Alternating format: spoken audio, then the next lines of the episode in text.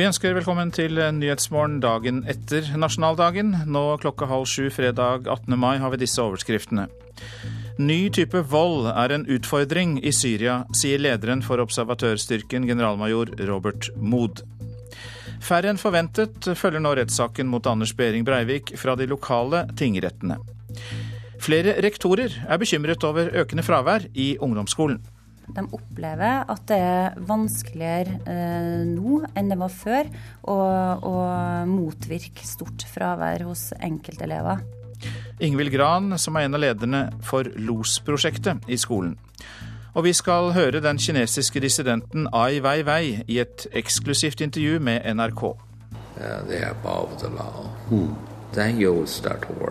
Ai Weiwei ble forhørt om sine forbindelser til utlandet, ble konfrontert med påstander om at kunsten hans var plagiater, og spurt hvorfor han kritiserte Kinas myndigheter. Og i Nyhetsmorgenstudio i dag, Øystein Heggen. Våpenhvilen i Syria utfordres av en ny type vold. Det sier lederen for observatørstyrken, generalmajor Robert Mood. Det har vært kamper i den syriske byen Rastan, og FNs observatører ble stanset pga. voldshandlinger nord i landet. Eh, vi overvåker en uh, våpenhvile som brytes hver dag uh, fra begge sider. Mm, det er ingen tvil om det. Så den beroligende effekten vi har sett lokalt, og viljen til dialog lokalt, den har blitt utfordra av en si, asymmetrisk uh, situasjon. Særlig siste uh, halvannen uken har vi sett mye av det. Med asymmetrisk vold mener Mood f.eks. bombeangrepet som rammet et etterretningshovedkvarter her i hovedstaden Damaskus i forrige uke. Over 50 mennesker ble drept, og framsiden av bygget som huser en av de mest aktive etterretningsgrenene, The Palestine Branch, ble fullstendig ødelagt. Det er nå bygget store murer rundt hovedkvarteret, og det voktes av bevæpnede menn uten uniform. Krigen er ikke i Damaskus, men den er ikke lenger så langt unna. Der den pågår, er situasjonen svært vanskelig for sivilbefolkningen. Det er også regulære kamphandlinger flere steder, bl.a. i byen Rastan, som ifølge aktivister beskyttes av hæren. Mood håper likevel FNs observatøroppdrag kan bidra til å gjøre noe for sivile. Å få til det det er skrikende behov for, f.eks. på humanitær side, på gjenoppbygging. Altså en del av disse områdene er ødelagt på et sånt nivå at vi snakker om det helt enkle renske gatene for vrak og søppel. Eh, skolene fungerer ikke, sykehusene fungerer ikke. Og reporter i Damaskus eh, var korrespondent Sigurd Falkenberg Mikkelsen. FNs generalsekretær Ban Ki-moon tror at Al Qaida sto bak terrorangrepet i Syrias hovedstad Damaskus i forrige uke. Han sa det under et arrangement i FNs hovedkvarter i New York i går. Minst 55 mennesker ble drept da to bilbomber eksploderte i Damaskus 10. mai. Over 370 personer ble såret. En mann i 20-årene ble truffet av skudd på Furuset i Oslo i natt. Mannen var ved bevissthet da han ble kjørt til Oslo universitetssykehus, men det er uvisst hvor alvorlige skader han har fått. Skytingen skal ha foregått utendørs, og det skal ha vært mange mennesker samlet på stedet. Politiet har så langt ikke pågrepet noen for skytingen. Bønder fra Sunnmøre blokkerte i natt utkjøringen av aviser fra Sunnmørspostens trykkeri i Ålesund. Traktorer sperret utkjøringen fra trykkeriet, og et titalls bønder deltok i aksjonen. Talsmann for bøndene, Odd Einar Fjørtoft, sier at de er skuffet over regionavisa. Årsaken til at vi blokkerer utkjøringa av Sunnmørsposten i natt, det er at bønder på Sunnmøre ble overraska og sinte da regionavisa, som vi abonnerer på, ikke dekte aksjonen som bøndene hadde på tirsdag. Mange bønder og bygdefolk setter seg med sin kaffekopp på onsdagsmorgenen for å se billetter fra og lese om aksjonen i sin egen avise. Det sto ingenting dette var den største bondeaksjonen på mange tiår, og markerte kravene fra bøndene om styrking av økonomien. Fordi framtida trenger bønder, og bygdene trenger jordbruk. Og Sunnmørsposten kom en time forsinket ut i dag. Færre enn forventet følger nå rettssaken mot Anders Behring Breivik fra de lokale tingrettene. I Drammen tingrett har det enkelte dager vært færre enn ti tilhørere. Nå kan rettssaken bli åpen for alle. Er retten satt. Når dommer Wenche Elisabeth Arntzen åpner rettsforhandlingene i Oslo tingrett, er det tidvis langt mellom tilhørerne i de lokale tingrettene. Mange pårørende og etterlatte har valgt å følge saken via storskjerm fra spesialombygde rettssaler, men fem uker ute i terrorrettssaken er det færre som benytter seg av tilbudet, forteller tingrettsdommer Ina Strømstad. Vi har tatt høyde for god kapasitet i overføringsdomstolene. Så har det vært eh, eh, noe lavere besøk, eh, i hvert fall i perioder, enn det vi hadde eh, hatt kapasitet til og det vi hadde regnet med. Da fortsetter forhandlingene. I Drammen blir den største rettssalen benyttet til overføring av terrorrettssaken. På det minste har bare én person fulgt saken herfra. Samtidig sliter tingretten med dårlig kapasitet og har måttet låne rettssal i nabokommunen. Det forteller sorenskriver Laila Ingebrigtsen. Det er klart vi har lite rettssaler fra før, og når vi disponerer vår største rettssal til dette, så får det den konsekvens at eh, det blir veldig trangt hvis vi har saker med mange parter som må inn i en av de mindre rettssalene. Eller at vi ikke får berammet de i det hele tatt. Og vi har også gjort i noen perioder måttet låne rettssal hos Eike Modum og Sigdal tingrett. Dersom de lave besøkstallene fortsetter, vurderer Oslo tingrett å åpne rettssaken for alle. Ut fra de tallene vi, vi får, at det er ledig kapasitet, så er det klart at vi, vi må vurdere om vi skal åpne for et uh, større publikum. Til slutt tingrettsdommer Ina Strømstad. Reporter var Jan Eirik Viltil. Svært mange nordmenn har de siste månedene blitt oppringt av utenlandske svindlere som tilbyr seg å fikse datamaskinen. En framgangsmåte er at de utgir seg for å være fra Microsoft, og sier de har fått signaler om at virus på PC-en til dem som blir oppringt. De ber folk om å logge seg inn på en nettside og tilbyr seg å rette opp feil mot betaling. Men det er svindel, sier sikkerhetsdirektør Ole Tom Seierstad i Microsoft Norge. Den måten å ringe rundt til kunder på gjør vi ikke. Vi har heller ingen som helst mulighet til å kunne sjekke eller se om en brukers datamaskin er infisert, og deretter ringe den opp. Hvis man gir fra seg kontrollen til datamaskinen, utsetter man seg også for andre farer enn å betale for falske tjenester, sier Seierstad i Microsoft. For da har de mulighet til å kunne installere akkurat hva de ønsker. Om det være seg et spionprogram eller en banktrojaner, eller hente ut bildene dine eller kredittkortinformasjonen din. Reporter Tom Ingebrigtsen. I dag børsnoteres Facebook. Det sosiale nettstedet er verdsatt til over 100 milliarder dollar, og det blir antagelig den største børsnoteringen av et internettselskap gjennom tidene. People want to go on the internet and check out their friends, so why not build a website that offers that friends, pictures, profiles? I'm talking about taking the entire social experience of college and putting it online. Filmen The Social Network viser hvordan IT-gründer Mark Zuckerberg for alvor flyttet sosialt samvær inn på internett. I dag flytter Zuckerberg inn på Wall Street. Babyen hans Facebook skal børsnoteres. Jeg vil bli overrasket om ikke aksjen skyter kraftig i været på sin første dag på, på New York Stock Exchange. Det sier redaktør i økonomi- og næringslivsavisa E24, Per Valebrokk. Det er et, et, nettselskap som for få år siden var en idé på en studenthybel. Det er den desidert største børsnoteringen av et nettselskap. Mark Zuckerberg har jo vært søkkrik lenge, men i all hovedsak så har han jo vært det på papiret. Nå får han tilgang til et marked hvor han kan selge aksjene sine for anslagsvis 100 milliarder kroner. Det sa redaktør i E24 Per Valebrokk til reporter Dario Kverme Birhane. Nå skal vi se på avisenes forsider. Plages ikke av arbeidsflukten til Norge, sier Sveriges statsminister Fredrik Reinfeldt til Aftenposten. Han er glad for at unge svensker får jobb i Norge. På børs til dystre varsler leser vi i Dagens Næringsliv om dagens børsnotering av Facebook, som vi nettopp hørte om i Nyhetsmorgen også. Det er frykt for reklamesmell for Facebook fordi så mange sjekker kontoen sin via mobiltelefon, og der vises ikke reklamen, skriver Dagens Næringsliv. Kan få rekordhøy erstatning, er Klassekampens oppslag. Alle som var på Utøya kan kreve minst 500 000 kroner i erstatning, og til sammen kan det bli 400 millioner kroner i erstatningsbeløp. Rød-grønn framtid kan berges av toll, skriver Nasjonen. Bedre tollvern for viktige landbruksvarer kan bli avgjørende for om de rød-grønne får med seg distriktene ved neste stortingsvalg, mener forskere. Skummer fløten av bondens arbeid, det er oppslaget i Dagsavisen. Matgigantene har milliardoverskudd, mens bondens inntekter står stille, noterte dagligvarekjeden Norgesgruppen et rekordoverskudd på 2,2 milliarder kroner i fjor. Norges mest uføre bygd er Ballangen i Nordland, skriver Vårt Land. Én av fire innbyggere får lønna si fra Nav, men de er luta leie av å bli kalt snyltere. En av Brannlagets unge helter hylles i Bergens Tiden i dag. Russ og målskårer 18 år gamle Kristoffer Barmen deler ut sine russekort på byen og er symbol på den nye tid for lokale talenter i Brann. I kampen mot Sogndal 16. mai var det fire tenåringer på banen samtidig. Kan bli ørnemat, skriver Adresseavisen og viser bilde av to søte lam og deres eiere.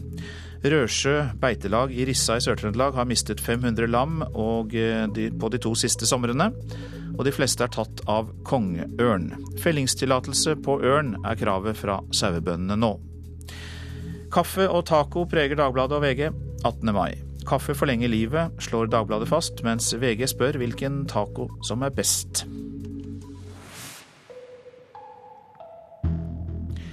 Til helgen starter Nato-toppmøtet i Chicago. Blant eh, de som skal møtes der, er Natos generalsekretær Anders Fogh Rasmussen og Frankrikes nye president Francois Hollande. De skal bl.a. drøfte tilbaketrekking av 3300 franske soldater fra Afghanistan. Og eh, utenrikskommentator Gro Holm, du er kommet til Nyhetsmorgen. Da blir Afghanistan sikkert et hovedtema på møtet. Hva er eh, viktig i tillegg til fransk tilbaketrekking? Ja, De eh, skal eh, diskutere hva, hva, som skal være eh, det absolutte styrkenivået i Afghanistan etter at, etter at de utenlandske soldatene er ute. Der er det en slags enighet mellom afghanerne og amerikanerne, eller ISAF, altså ledelsen i Afghanistan. Og det er et amerikansk forslag opprinnelig om at det skal være et styrkenivå på 228 000 soldater og politi. Det er mye lavere enn det man tenkte tidligere. Og det betyr at nå bygger man opp for å så bygge ned igjen fram mot 2016. Og det, disse tallene skal altså diskuteres, og så blir det et spørsmål hvem skal finansiere det afghanske forsvaret etter 2014. Der ligger det et forslag om 4,1 milliarder fra utlandet per år, og så skal man diskutere hvordan dette skal fordeles. Amerikanerne har foreslått at eh, de selv tar vel 2 milliarder, eh, de andre Nato-landene 1,3 milliarder sammen, og afghanerne selv resten. Men fordelingen av disse 1,3, det er det ikke enighet om. Du snakker om penger, Gro Holm. Mange Nato-land sliter jo med økonomisk krise. Hvilken innvirkning får det for alliansen nå? Det er klart at eh, alliansen snakker nå om smart forsvar som på en måte nye mantra. Og det betyr eh, bl.a. at eh, man ser i detalj på de ulike komponentene. Altså hva har de ulike landene, hvordan kan vi hjelpe hverandre istedenfor at vi har eh, parallelle styrker som ligner på hverandre, så å si. Eh, man eh, har jo for så vidt allerede i Lisboa for halvannet år siden på toppmøtet der ble enige om at en skal i større grad grad eh, se hjemover igjen. Altså dette med forsvar av Nato-landenes egne kjerneområder er et nytt slagord. Mindre vekt på å bygge styrker som kan eh, drive store operasjoner i utlandet. Og så eh, tenker man f.eks. i Norge, altså istedenfor at en har doble hovedkvarter, et Nato-hovedkvarter, et norsk hovedkvarter, så skal Forsvarets operative hovedkvarter i Bodø også være Natos hovedkvarter i tilfelle krig. Se hjemover, sier du. Det gi meg et stikkord, for eh, både utenriksminister Jonas Gahr Støre og statsminister Jens Stoltenberg har vel fokusert nettopp på det å eh, få Nato til å fokusere hjemover. Eh, tror du Jens Stoltenberg kommer til å ta opp det på møtet også? Ja, Nå ble det eh, slått fast i forbindelse med eh, den strategien som fortsatt er gjeldende for halvannet år siden i Lisboa. Så det var i forbindelse med det møtet man hadde den store diskusjonen, og nå er det på en måte Natos linje. Eh, det legges jo veldig stor vekt på fra norsk side. Eh, men ikke bare pga. forholdene i Norge, men også fordi at dette er viktig for de nye medlemslandene i Øst- og Sentral-Europa, som jo vel følte at de ble litt glemt da, eh, da Nato la så stor vekt på eh, operasjonen i Afghanistan f.eks. Ja, for... og, og det har jo også sammenheng med krisa. ikke sant? At Man har ikke penger til å drive like mye med alt. Eh, og forsvaret av Natos da, kjerneområder nå, det er på en måte, det er, det er mantraet nå. Og de nye i øst de føler vel fortsatt litt denne skyggen fra Russland bak seg? Ja, Det er det ikke noe tvil om at det gjør. og at de også, For dem er dette med rakettskjoldet, og at det ble et rakettskjold, at ikke det blir helt eh, kasta på båten, eh, veldig viktig. For de føler det er en slags garanti. Og det blir jo et rakettskjold som russerne hele tiden mistenker at kan også brukes mot dem. Og du skal uh, følge med på dette møtet, Gro Holm? Ja, det skal jeg. Eh, jeg kommer til å reise til Chicago. Putin kommer ikke. Det blir ingen russiske politikere, toppolitikere der i det hele tatt. Og det er jo en protest fra russernes eh, side mot, eh, mot dette rakettskjoldet. Og forholdet mellom Russland og Nato er dårligere nå enn på veldig lenge. God tur. Da hører vi mer fra deg. Takk for at du kom til Nyhetsmorgen.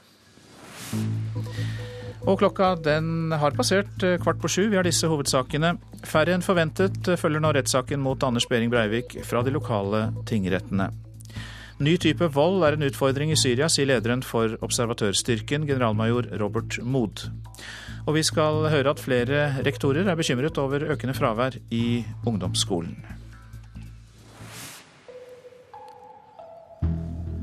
Men først om hockeyspilleren Jonas Holøs, som blir fulgt tett. Eh, han ble fulgt tett, i hvert fall, under VM i Sverige av representanter fra den amerikanske NHL-klubben Colorado Avalanche. For de er mektig imponert over Holøs, som nå spiller for Veksjø i Sverige. Holøs kan være på vei tilbake til NHL, mener talentspeidere for Colorado-laget. En av dem, Anders Karlsson. Sjansen til, for Jonas er vel, vel være ganske bra om han vil åke over igjen. Talentspeideren for Colorado Avalanche, Anders Karlsson, er ikke i tvil om hva han mener om Jonas Holøs. Jeg elsker Jonas Holøs, og derfor, derfor vi tok han til Colorado en gang i tiden også. Jeg syns han spiller kjempebra. Holøs ble hentet til Colorado for to år siden. Etter hvert ble han sendt ned til klubbens farmelag. Der slet han med lite spilletid, og trivdes ikke. Derfor har 25-åringen det siste halve året spilt for Veksjø i Sverige. I årets VM har gutten fra Sarpsborg imponert mange hockeyeksperter.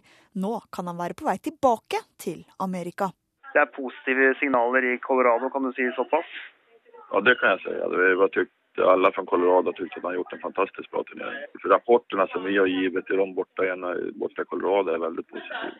Hovedpersonen selv sier at han kun har fokusert på VM den siste uka, men at det hadde vært spennende å prøve seg på nytt i verdens beste hockeyliga. Det hadde vært morsomt å høre fra dem igjen. Jeg trivdes utrolig bra der borte og lærte mye. Og, og ja, det, vi får bare vente og se.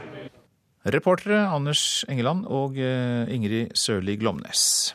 I går mottok britenes prinsesse Anne på vegne av Storbritannia fakkelen for de olympiske leker under en seremoni i Aten.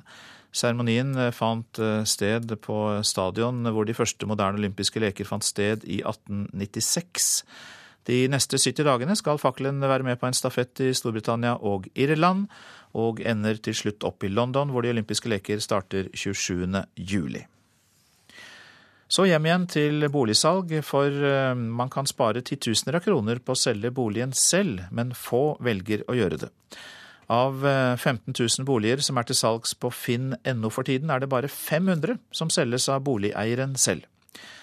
Regiondirektør i Forbrukerrådet i Nordland, Torgeir Øynes, tror mange lar seg skremme av det han kaller skremselspropaganda fra enkelte meglere. Det jeg nok mener er noe uheldig, det er at en del meglere overselger hvilket ansvar de har, og hvor risikabelt det er å, gjøre det sjøl. Det sier Øynes, som mener det ikke er noen god grunn til at ikke privatpersoner kan selge boligen sin sjøl. I dag tar meglere gjerne mellom 60 og 80 000 for å selge boligen for deg. Det synes boligselger i Bodø, Omar El Fakiri, ble for dyrt. Eh, da fant jeg ut at eh, da skulle jeg prøve å selge den eh, privat selv, og det er det jeg har gjort. Fra Oslo har Fakiri lagt inn bilder på nettportalen finn.no og ordna med visning i Bodø. Prosessen har så langt ikke tatt lang tid. Det er kanskje en uh, tre timer. Men Norges Eiendomsmeglerforbund vil ikke anbefale boligeiere å gjøre dette. Leder Tormod Bollvik sier de støtter selve prinsippet om privat salg, men vi vil allikevel ikke anbefale at uh, man velger å selge uh, privat. Vi vil heller ikke anbefale kjøperne å kjøpe boliger som selges uten at megler er med i bildet. Hans idé er fordi meglere sørger for en sikker og trygg omsetning av boligen. Men Øynes i Forbrukerrådet er ikke enig i at man må bruke megler for å føle seg trygg, så lenge man får profesjonell hjelp til å foreta sluttoppgjøret. Forholdet mellom boligselger og boligkjøper og ansvarsforholdet der er helt uavhengig av om det er en megler som er inne i bildet eller ikke. Fakiri håper i hvert fall at folk overser rådet fra Eiendomsmeglerforbundet om ikke å kjøpe leiligheten hans så lenge han ikke bruker megler. Men det gjenstår å se. Altså, man, man, vet jo man vet ikke hva man har prøvd. Innslaget var laget av Hilde Mangseth Lorentzen. Så skal vi eh, høre at, eh, at ja, nå må vi finne fram her. 26 år etter Tsjernobyl-katastrofen er radioaktiviteten i Jotunheimen flere steder målt til langt over det som er tillatt for matproduksjon. Det viser en undersøkelse foretatt av Norges geologiske undersøkelser i fjor høst. Det er Aftenposten som skriver det. Særlig i høyfjellsområdet øst for rv. 51 over Valdresflia, der det drives med tamrein, har høyere nivåer av radioaktivitet enn det forskerne trodde tidligere. Frafall fra videregående skole har vi hørt om en del i det siste, men nå er også ungdomsskolen rammet av problemet. Maja på 16 er en av dem som fikk hjelp for å komme tilbake til skolen. I starten av tiende så var det fordi jeg var veldig sent opp, da, så det var jo det foreldrene mine sa at jeg må legge meg tidligere. Og men selv om jeg lå meg tidligere, så var det fortsatt veldig vanskelig. Så jeg er jo et menneske som liker å sove, da. Så jeg så rett og slett ikke alvoret i starten da, med at eh, jeg måtte rett og slett bare tvinge meg opp. Maja har blitt hjulpet tilbake til skolen gjennom LOS-prosjektet.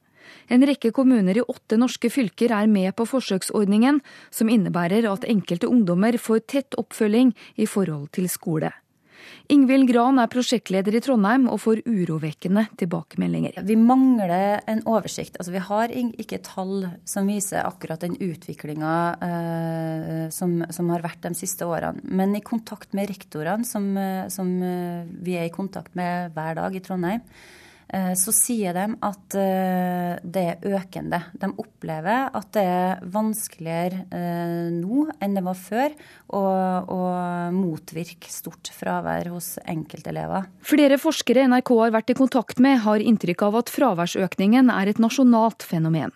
Verken Kunnskapsdepartementet eller andre klarer å skaffe nasjonal statistikk, men rektor Inger Hilstad ved Huseby skole tror ikke hun sliter alene med altfor stort fravær. Jeg har vel et inntrykk av at uh, i de senere årene så har motivasjonen hos elevene falt. Uh, og at det er lett lettere for dem, eller de tyr fortere til det å være borte fra skolen. Årsaken til at fraværet starter kan være alt fra sykdom, mobbing, skilsmisse eller andre ting, sier Ingvild Gran i LOS-prosjektet. Så baller det på seg. De færreste ungdommene roter seg borti dop eller henger på kjøpesenteret.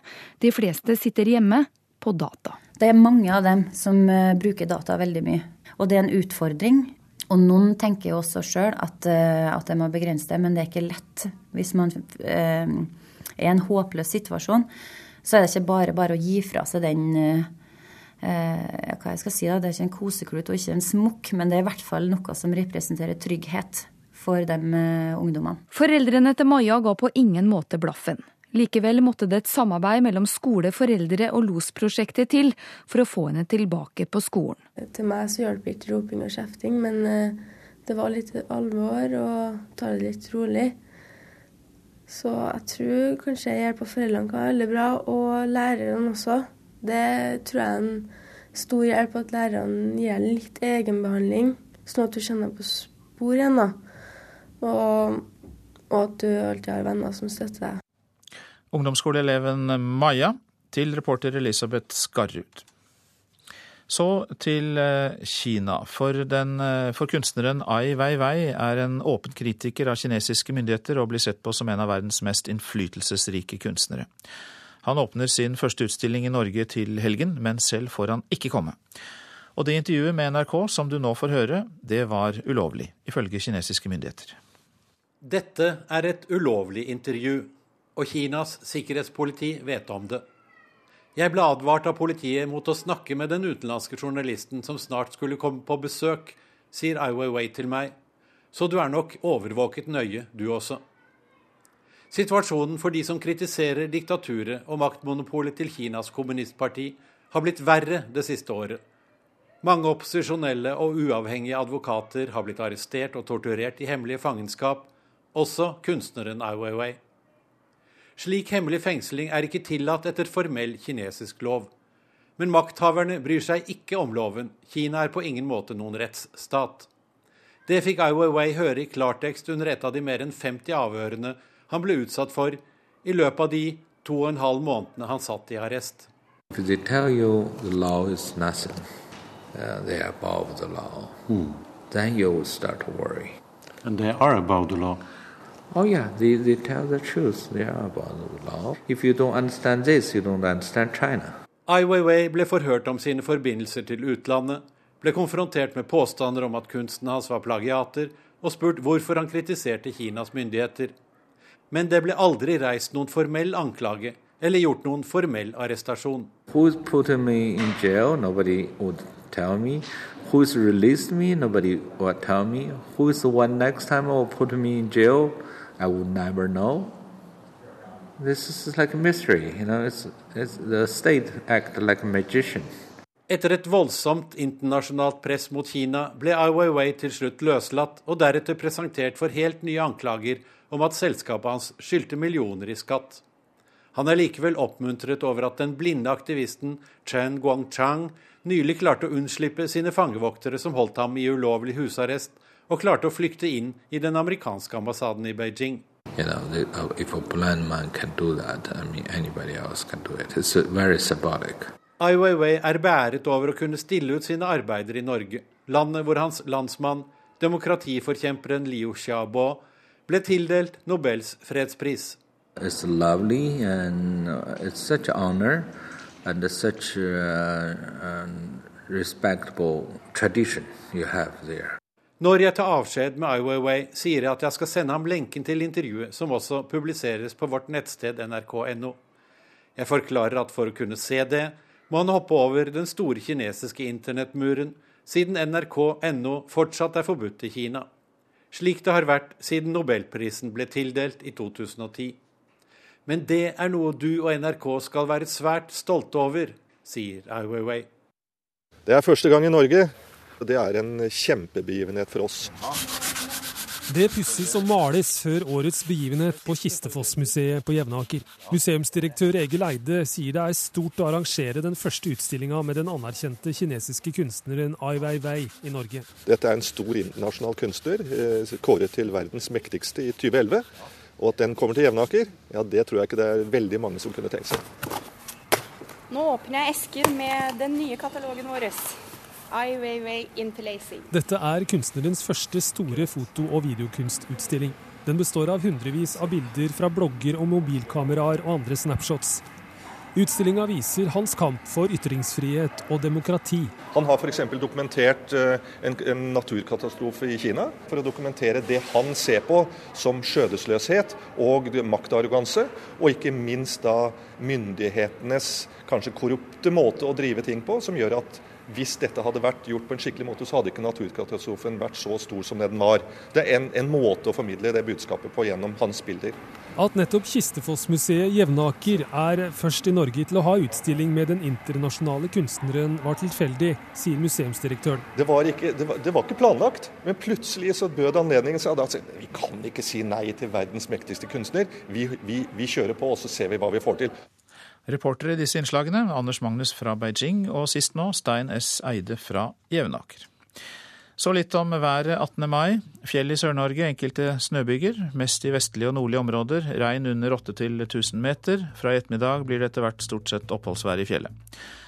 Østafjells ellers stort sett pent vær. Fra i ettermiddag opp til sørvest liten kuling på kysten øst for Lindesnes, og mulighet for enkelte regnbyger i indre strøk av Telemark og Østlandet. Vestlandet sør for Stad. Enkelte regnbyger, snø over 600-800 meter. Fra i ettermiddag etter hvert opphold og lettere skydekke, først i ytre strøk. Møre og Romsdal og Trøndelag regnbyger, snø over 600-900 meter. Flest byger i Trøndelag, i kveld lettere vær. Nordland regnbyger, fra i kveld liten kuling utsatte steder. Seint i kveld sørvestlig stiv kuling i Vesterålen. Troms perioder med regn, vesentlig indre strøk. Utover kvelden økning til sørvestlig stiv kuling på kysten og regnbyger. Finnmark kuling ved Nordkapp. I formiddag minker det til bris. Perioder med regn, i formiddag stort sett opphold og mulighet for litt sol i Øst-Finnmark. Nordensjøland på Spitsbergen oppholdsvær og til dels pent, men av og til litt snø i sørøstlige strøk. Temperaturer som er hentet inn klokka fem i natt. Svalbard lufthavn minus to. Kirkenes pluss sju. Vardø og Alta begge seks. Tromsø sju grader, og det hadde sannelig også Bodø og Brønnøysund. Trondheim seks. Molde fem grader. Bergen og Stavanger også fem grader. Kristiansand seks. Gardermoen tre. Lillehammer fire. Røros tre grader, og på Oslo-Blindern var det seks grader klokka fem i natt.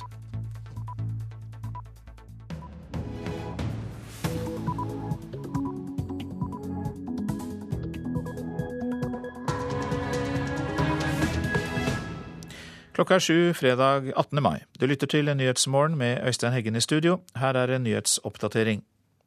Det er en ny type vold i Syria som gjør FN-arbeidet vanskelig, og vi utfordres daglig. Det sier lederen for observatørstyrken, generalmajor Robert Mood. Vi overvåker en uh, våpenhvile som brytes hver dag uh, fra begge sider. Det er ikke nok sykepleiere her i landet til å få gjennomført regjeringens samhandlingsreform. Sikkerhetsmyndighetene advarer utenlandske svindlere ringer opp nordmenn og tilbyr oppgradering av datamaskinen. I dag blir Facebook børsnotert, men bør vi satse på Facebook-aksjer? Nei, jeg ville ikke brukt mine egne sparepenger, i hvert fall. Redaktør av E24, Per Vallebrokk. Færre enn forventet følger nå rettssaken mot Anders Behring Breivik fra de lokale tingrettene. Og det finnes knapt en avkrok i Norge der eldre menn på moped ikke var tallrikt representert. I dag er mopedgamlingene nesten borte. Leiter du etter en fyr? Eldre kar på moped. Har du sett han? Nei, det må jeg beklage. Han har jeg ikke sett. Nei. Velbrukt moped, velbrukt klesdrakt. Nei, jeg vet ikke. Han kjenner ikke jeg. FNs generalsekretær Ban Ki-moon tror at Al Qaida sto bak terrorangrepet i Syrias hovedstad i forrige uke. Minst 55 mennesker ble drept og 370 såret da to bilbomber ble detonert i Damaskus. Midtøsten-korrespondent Sigurd Falkenberg Mikkelsen, du er med oss fra Damaskus. Og hva innebærer en så voldsom terroraksjon? Det at uh, Ban Ki-moon går ut og sier at dette var Al Qaida, er, uh, er, jo interessant. Det er veldig spennende å se hva slags uh, belegg de har for det. Det har vært mye spekulasjoner rundt dette, og det har også vært en, en gruppe som har tatt på seg ansvaret for aksjonen. Det gjør jo at konflikten blir mye vanskeligere å håndtere. Det gjør at den blir mye mer kaotisk og da mye mer voldelig. og Man merker jo helt åpenbart frykten for nye bomber her i hovedstaden Damaskus. Du har snakket med lederen for observatørstyrken, generalmajor Robert Mood, som sier at våpen vil utfordres av en ny type vold. Hva mener han? Nei, Det er denne type vold han snakker om. altså Han kaller det asymmetrisk vold, som er militærsjargong for når særlig da, når grupper som er dårligere bevæpnet enn sin motstander, bruker f.eks. bilbomber og ikke, ikke, går inn i da, regulære kamper. og Det er også da mye mer uoversiktlig og mye mer kaotisk. og Det gjør det vanskeligere da, for, for observatørstyrken å overvåke denne våpenhvilen som de kom for å gjøre, som da i teorien var tenkt som en våpenhvile mellom to bevæpnede parter. Men vi vet jo da fra før av at det er jo ikke noen, er ikke noe symmetrisk forhold mellom uh, opprørsstyrkene heller og regjeringsstyrkene. regjeringsstyrkene har har helt andre, helt andre midler å, å, å, å, bruke i den striden som, som, pågår. Hvilke hovedutfordringer har observatørstyrken ifølge MOD? Nei, altså Det er denne sikkerhetsutfordringen som er uh, vanskelig. Han er også veldig opptatt av å vektlegge de positive sidene. At de føler at de, de kommer i god dialog med lokale ledere uh, og slikt. Men det er klart sikkerhetsutfordringen er, er, stor. Det har vært flere angrep som har vært enten skjedd i nærheten av FN-styrkene eller rettet mot dem. Og Det er klart at det blir viktig. Og så er det jo i en begynnende fase, så de jobber veldig mye med å få opp logistikken rundt dette oppdraget. Og de holder jo nå på å etablere forskjellige, forskjellige senter rundt om i Syria. Når det gjelder opposisjonen, så er jo ikke den samlet på noen måte. Det er tvert imot konflikter innad i opposisjonen. Kan, kan, du utdype det noe mer? Ja, altså Den konflikten har vært pågående lenge. og i, dreier seg i stor grad om en konflikt eh, mellom uh, de som kjemper uh, internt i Syria, og uh, da den opposisjonen som befinner seg i eksil. og Den kom til syne nå for et par dager siden, da denne lokale koordinasjonskomiteen, som de kaller seg, som organiserer veldig mye av de fredelige demonstrasjonene her i Syria, truet med å trekke seg fra organisasjonen, altså den syriske nasjonalkongressen, som er den paraplyorganisasjonen som opposisjonen prøver å organisere seg under. De truet med å trekke seg fordi Buran Galion ble gjenvalgt som leder. Så har han da sagt at han er villig til å gå til, på sin side igjen, da, trekke seg for ikke å skape splittelser. Men det er klart det er vanskelig for opposisjonen å finne en samlende linje. Både pga. personkonflikter, men også fordi pga. konfliktens natur og at så mye tross alt pågår her inne i Syria, og som ikke de har så mye de skal ha sagt over ute. Men jeg tror at det viktigste uansett er det som skjer her inne, og ikke hvordan opposisjonen krangler utenfor landet. Takk skal du ha, Sigurd Falkenberg Mikkelsen fra Damaskus. Her hjemme er det i én av tre kommuner ikke nok helsepersonell til å gjennomføre den nye reformen som skal flytte helsetjenestene nærmere der folk bor. Og det er sykepleiere det er mest mangel på, viser en undersøkelse. Lederen for Norsk Sykepleierforbund, Eli Gunhild By, er bekymret. Jeg må si at Vi har vært positive til Samhandlingsreformen i utgangspunktet, men vi har hele tida vært bekymra for nettopp kompetansesammensetninga og andelen ufaglærte ute i kommunene. For henne blir tallene dermed en bekreftelse på akkurat det de fryktet. Derfor så er det vel litt sånn at tallene som kommer, som vises her, er litt i samsvar med det vi var bekymra for. Med Samhandlingsreformen har kommunene fått ansvar for flere og sykere pasienter. Mange eldre. Nå viser altså undersøkelsen utført for Sykepleierforbundet at én av tre kommuner, eller 35% mener de ikke har nok fagkompetanse. 48% mener de har nok folk, men 17% er usikre. Tidligere har vi hørt om Grane i Nordland, en av kommunene som har slitt med for få sykepleiere. På ti årsverk så har vi plutselig fire personer som vi mangler. Sa pleie- og omsorgssjef Karin Ingebrigtsen. Også beboerne på sykehjemmet merket presset. Men jeg tror nok ja, det travelt. Iblant, i hvert fall. Løsningen for Grane ble å friste med stipend mot bindingstid. Og det hjalp, ifølge Ingebrigtsen. Og nå har vi besatt alle våre faste stillinger, så nå har vi en helt annen hverdag.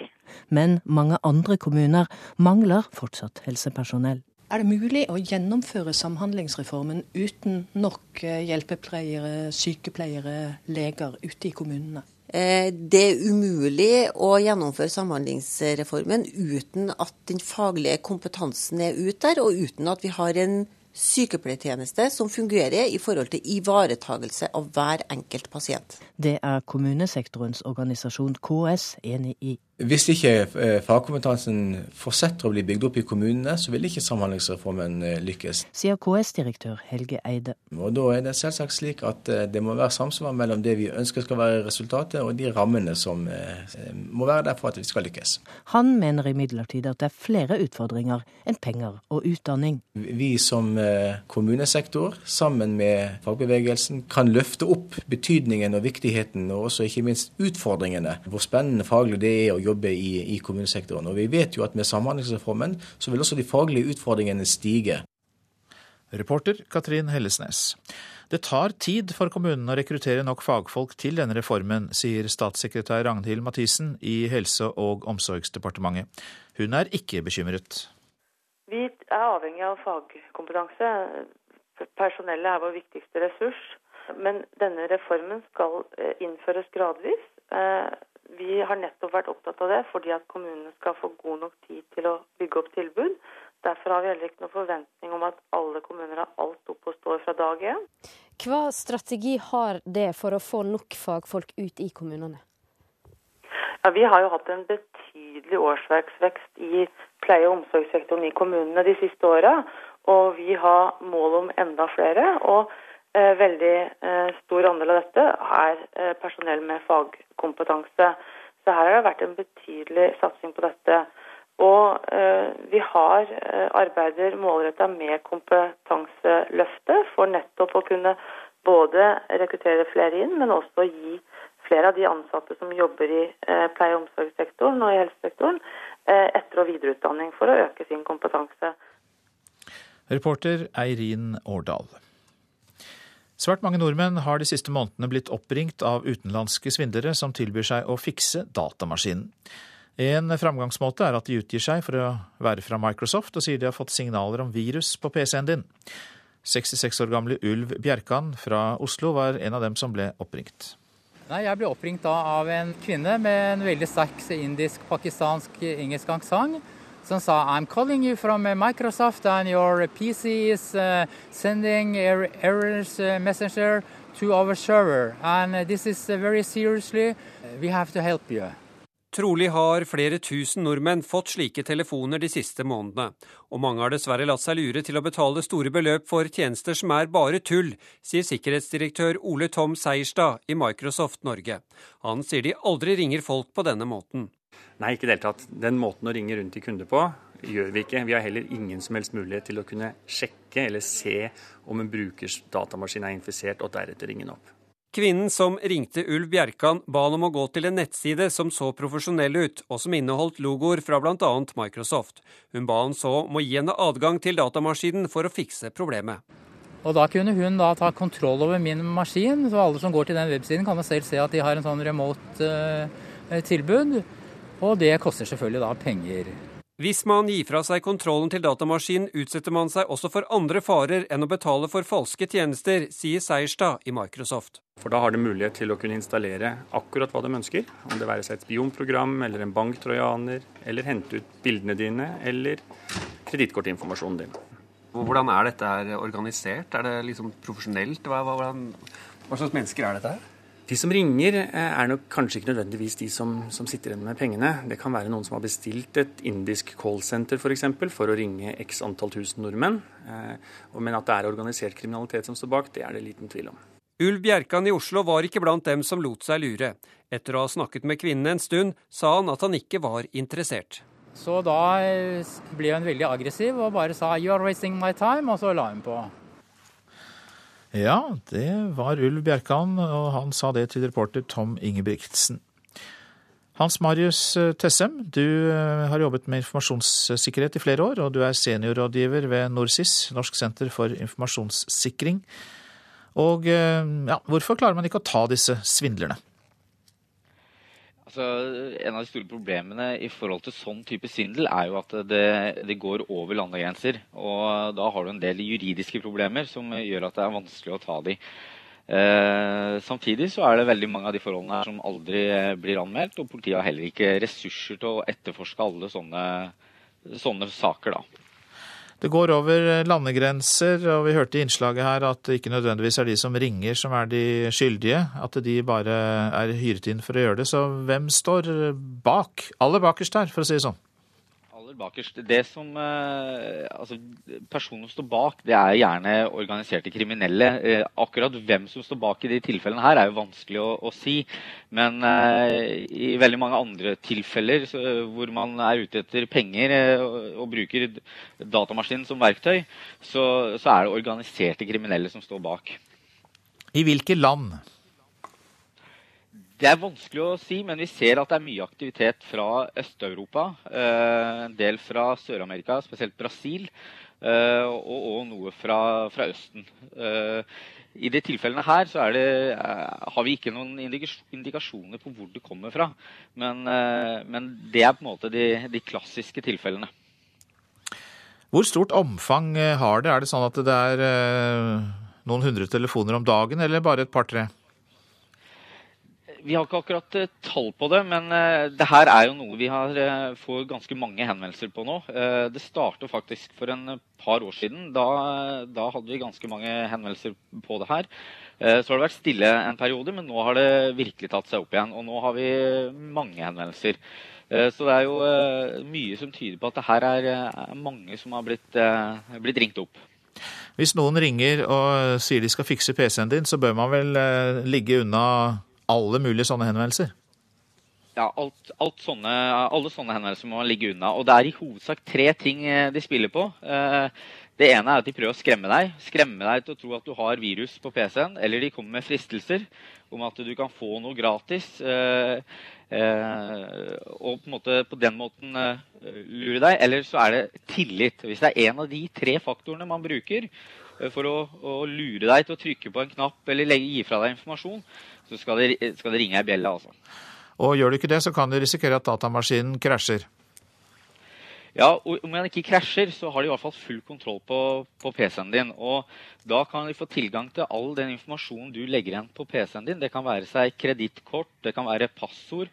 Eh, og i dag så bruker jo PC-en til så å si alt. Så uh, du er rett og slett kompromittert, uh, og noen kan svindle deg for større beløp. Takk skal du ha for at du var med i Nyhetsmorgen, Hans Marius Tessem fra Norsis. Dette er Nyhetsmorgen, og klokka den har passert kvart over sju nettopp. Dette er hovedsaker. Våpenhvilen i Syria utfordres av en ny type vold, sier FN-observatør.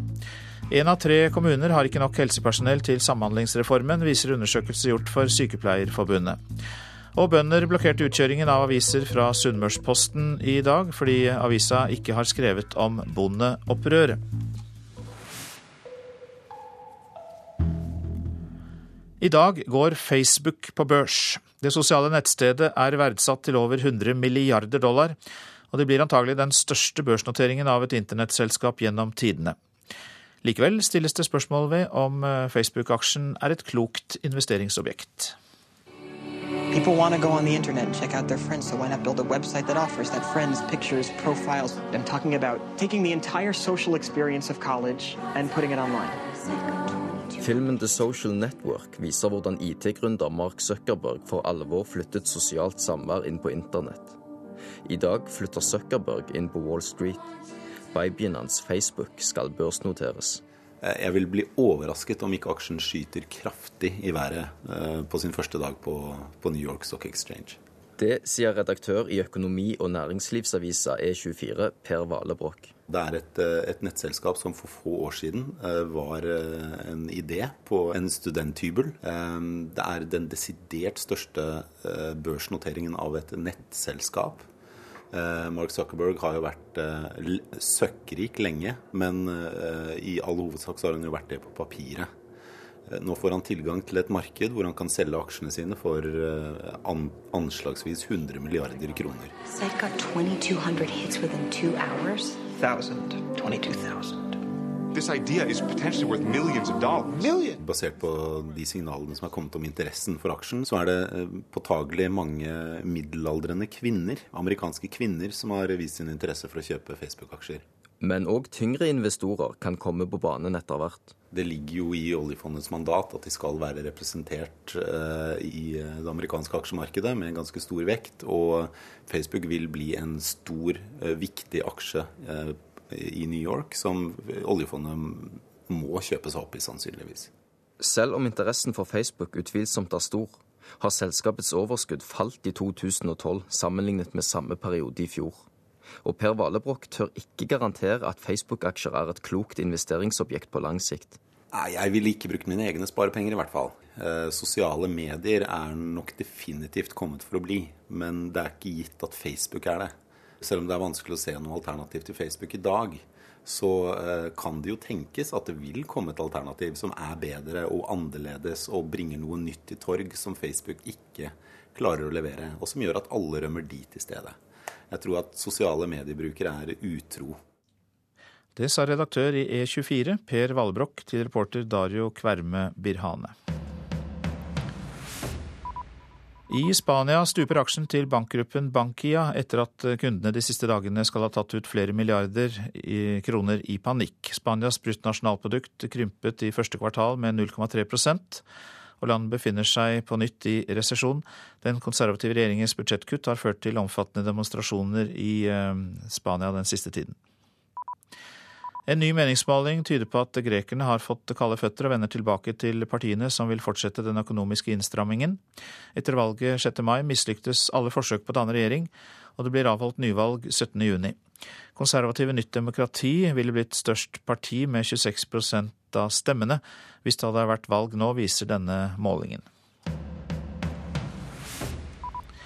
Økonomi, det fortsetter vi med, for i dag starter G8-toppmøtet på Camp David i USA. Eurokrise og matmangel i Afrika er to sentrale diskusjonstemaer. Steinar Holden, økonomiprofessor ved Universitetet i Oslo. Hvorfor er amerikanerne så opptatt av eurokrisen? Jo, det er klart at Krisen i Europa har jo veldig negative virkninger på eh, amerikansk økonomi uh, også. Særlig hvis det blir enda mer alvorlig enn det gjør nå. Og det er jo valg i USA til høsten, og, og da er økonomien et viktig, et viktig, viktig sak. Så for Obama er det av stor betydning at det går bedre i Europa, sånn at amerikansk økonomi går bedre, og han kanskje da kan vinne valget til høsten. Hvilke løsninger eh, ser man for seg i eurosonen nå? For det virker jo fastlåst, ikke minst i forhold til Hellas, men vanskeligheter også i Spania, som vi nettopp hørte. Nei, Det er jo mange problematiske saker her. Altså, når det gjelder Hellas, eh, så er det jo eh, avgjørende Eh, sett fra EUs side at eh, Hellas går med på denne svarepakken og innstramningstiltakene. Grekerne er jo mot det. De vil bli i eurosonen, men de er mot disse innstramningstiltakene. Og det er jo veldig forståelig, fordi de har jo veldig negativ effekt på gresk økonomi. Men for EU-landene så vil de altså ikke akseptere at man ikke strammer inn. Nå har vi jo hørt en del om uh, forskjellig holdning til krisen fra Frankrikes nye president eh, Francois Hollande og Angela Merkel, forbundskansler i Tyskland. Kan vel da kort oppsummeres med stimulans eller sparing. Er det en reell forskjell på måten å håndtere krisen på de står for, de to? Ja, det er nok en eh, klar eh, forskjell. Dels er det litt forskjell forskjellig tro på hvordan økonomien fungerer. Hvor tyskerne alltid har ønsket en strammere politikk enn franskmennene i hvert fall tradisjonelt har ønsket. Og I tillegg er det jo slik at tysk, tysk, økonomi går jo bra nå, så de kan jo tåle en stram politikk. Mens for de andre EU-landene så er jo den stramme politikken nå Den har veldig negative effekter på økonomien. Og så er det fire afrikanske ledere som også er invitert for å snakke om matsituasjonen i Afrika. Og eh, eh, skal det også da få plass på dette møtet? Er dette også viktig for eh, økonomien i det store perspektivet? Det er nok ikke så viktig for, eh, for, verdensøkonomien, men det er jo veldig viktig for eh, Afrika. Og det er jo et par hundre millioner mennesker som sulter i Afrika. Og for Obama er dette en, en viktig sak. Han har lagt stor vekt på å få økt uh, sikkerhet for matleveranser i Afrika. Og han har satt i gang et program som skal sikre, sikre det. Men der har jo giverlandene ikke helt fulgt opp, fordi de har problemer med budsjettene, som vi jo vet. Ja, så denne Sånn sett er det en klar sammenheng mellom den økonomiske krisen i, i de rike landene og Afrika. Ja da, så de, krisen i rike land er negativt for de fattige landene også. Tror du at eh, disse møtene, bare for å ta det store perspektivet, Steinar Holden, eh, har noen virkning, eller er det bare en prateklubb for å være litt uhøytidelig? Det kan nok Av og til så tror jeg nok de kan ha en uh, virkning, men uh, mest sannsynlig så er det nok mer at man skal se at de gjør noen ting. Og det er klart det er også viktig for Obama å bli orientert. hva som kommer til å skje i Europa er jo viktig for USA, som sagt. Og, og da Obama vil ikke bare lese i avisen om dette her, han vil også snakke med de viktige aktørene. I internettiden så er det fortsatt viktig å møte hverandre face to face, åpenbart. Ja, nettopp. Takk skal du ha, Steinar Holden, økonomiprofessor ved Universitetet i Oslo. Du lytter til Nyhetsmorgen, og vi tar eh, en lite blikk på avisenes forsider. Plages ikke av arbeidsflukt til Norge, sier Sveriges statsminister Fredrik Reinfeldt til Aftenposten. Han er glad for at unge svensker får jobbe i Norge. På børs til dystre varsler leser vi i Dagens Næringsliv om dagens børsnotering av Facebook. Det er frykt for reklamesmell for eh, Facebook, skriver Dagens Næringsliv.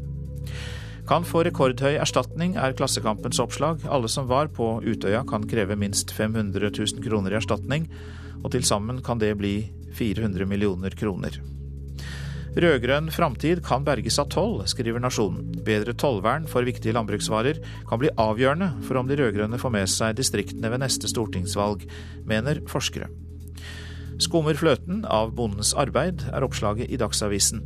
Matgigantene har milliardoverskudd, mens bondens inntekter står stille. Eh, I fjor så noterte dagligvarekjeden Norgesgruppen seg for et rekordoverskudd på 2,2 milliarder kroner, skriver Dagsavisen. Norges mest uføre bygd er Ballangen i Nordland, skriver Vårt Land.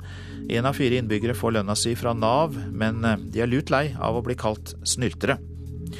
En av Brannlagets eh, unge helter hylles i Bergens Tidende. Russ og målskårer 18 år gamle Kristoffer Barmen deler ut russekort på byen, og er symbol på den nye tid for eh, lokale talenter. I brannkampen mot Sogndal 16. mai var fire tenåringer på banen samtidig. Kaffe og taco preger Dagbladet og VG 18. mai. Kaffe forlenger livet, slår Dagbladet fast, mens VG spør hvilken taco som er best.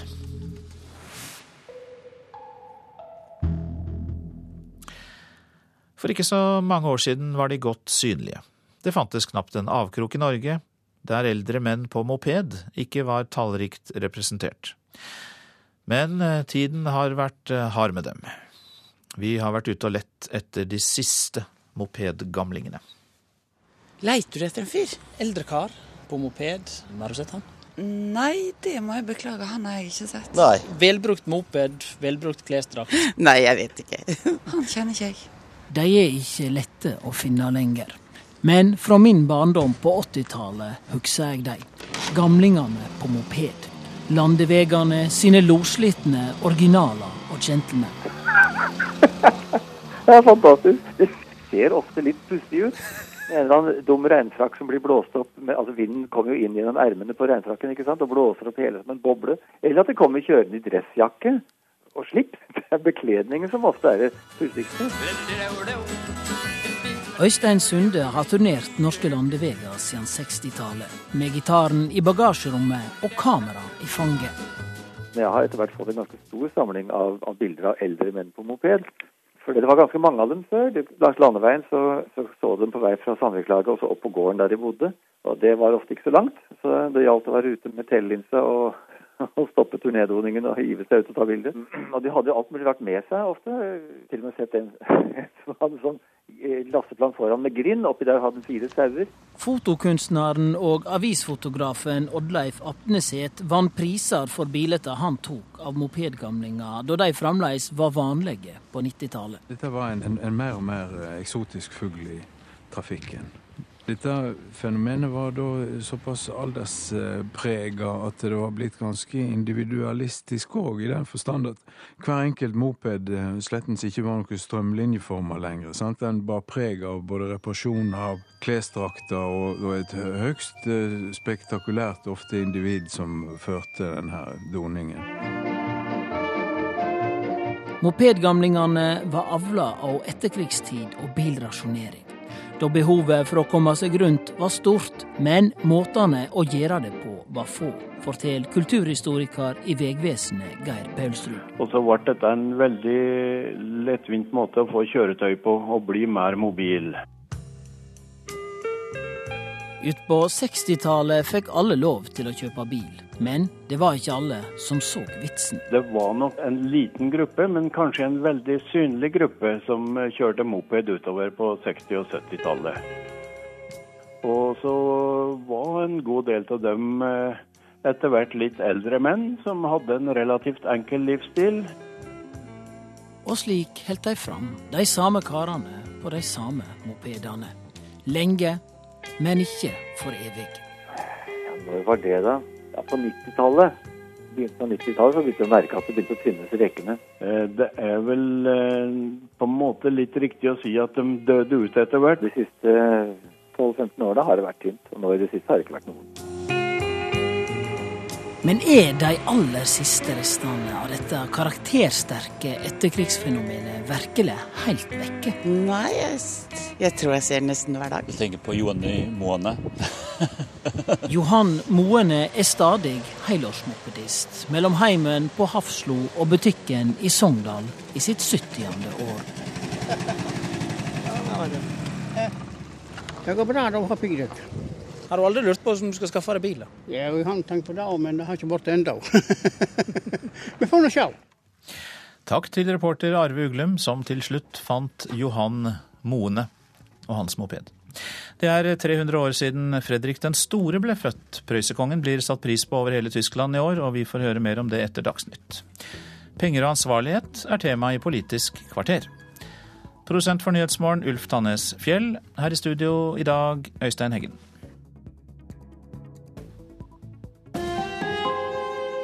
Hør ekko.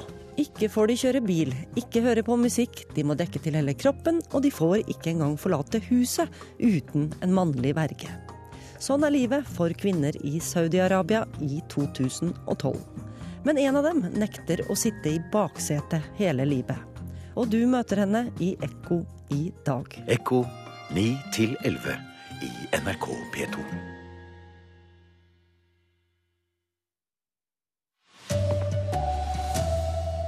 Det er skrikende behov for flere sykepleiere i Norge, viser undersøkelse.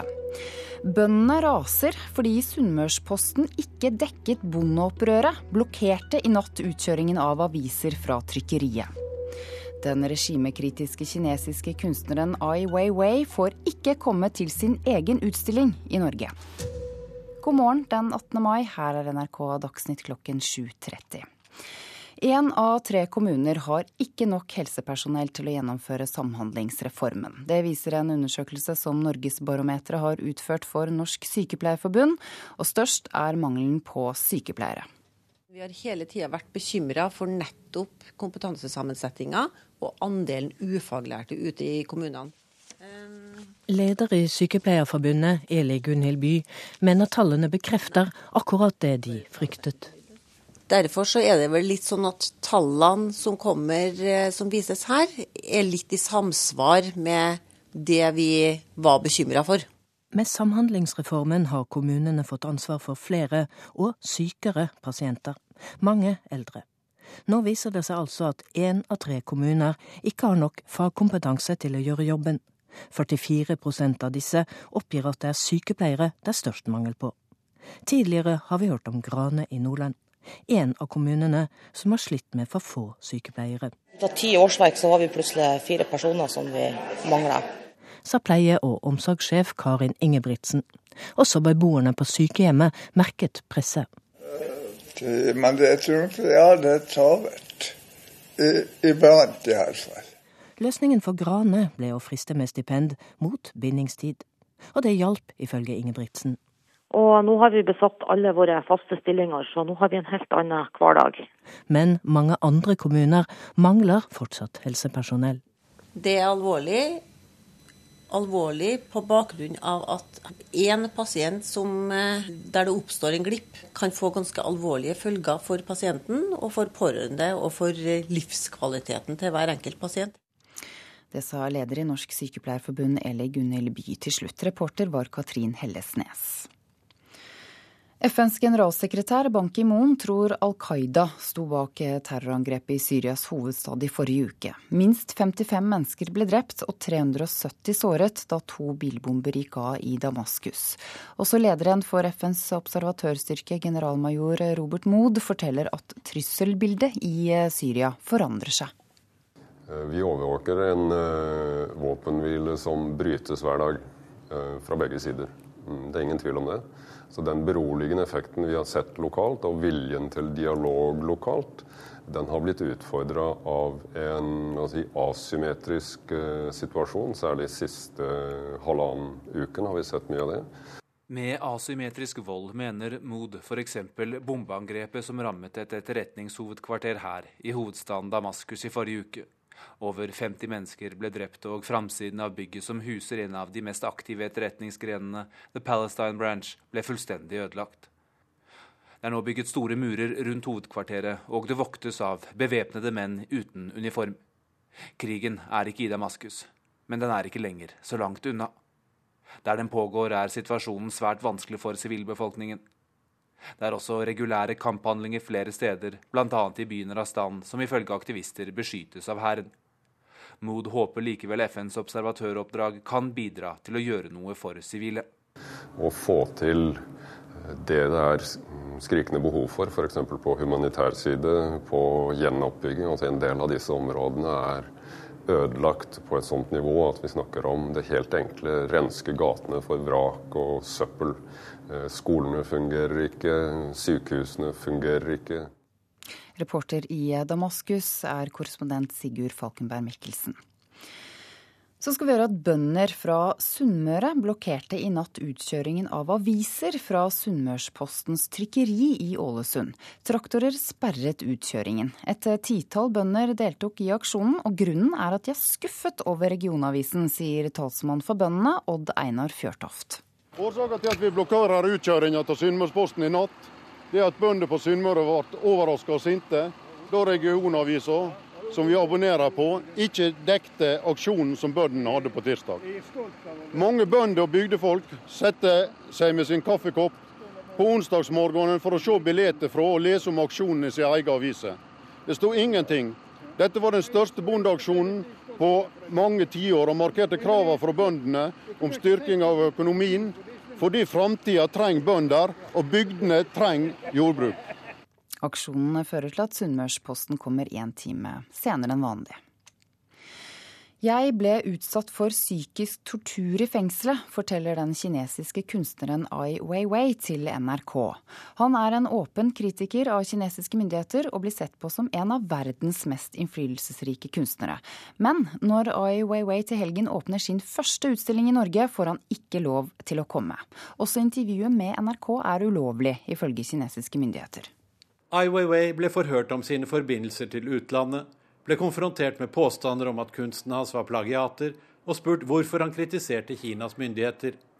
Men det ble aldri reist noen formell anklage eller gjort noen formell arrestasjon. Who's put me in jail? Nobody would tell me. Who's released me? Nobody would tell me. Who's the one next time will put me in jail?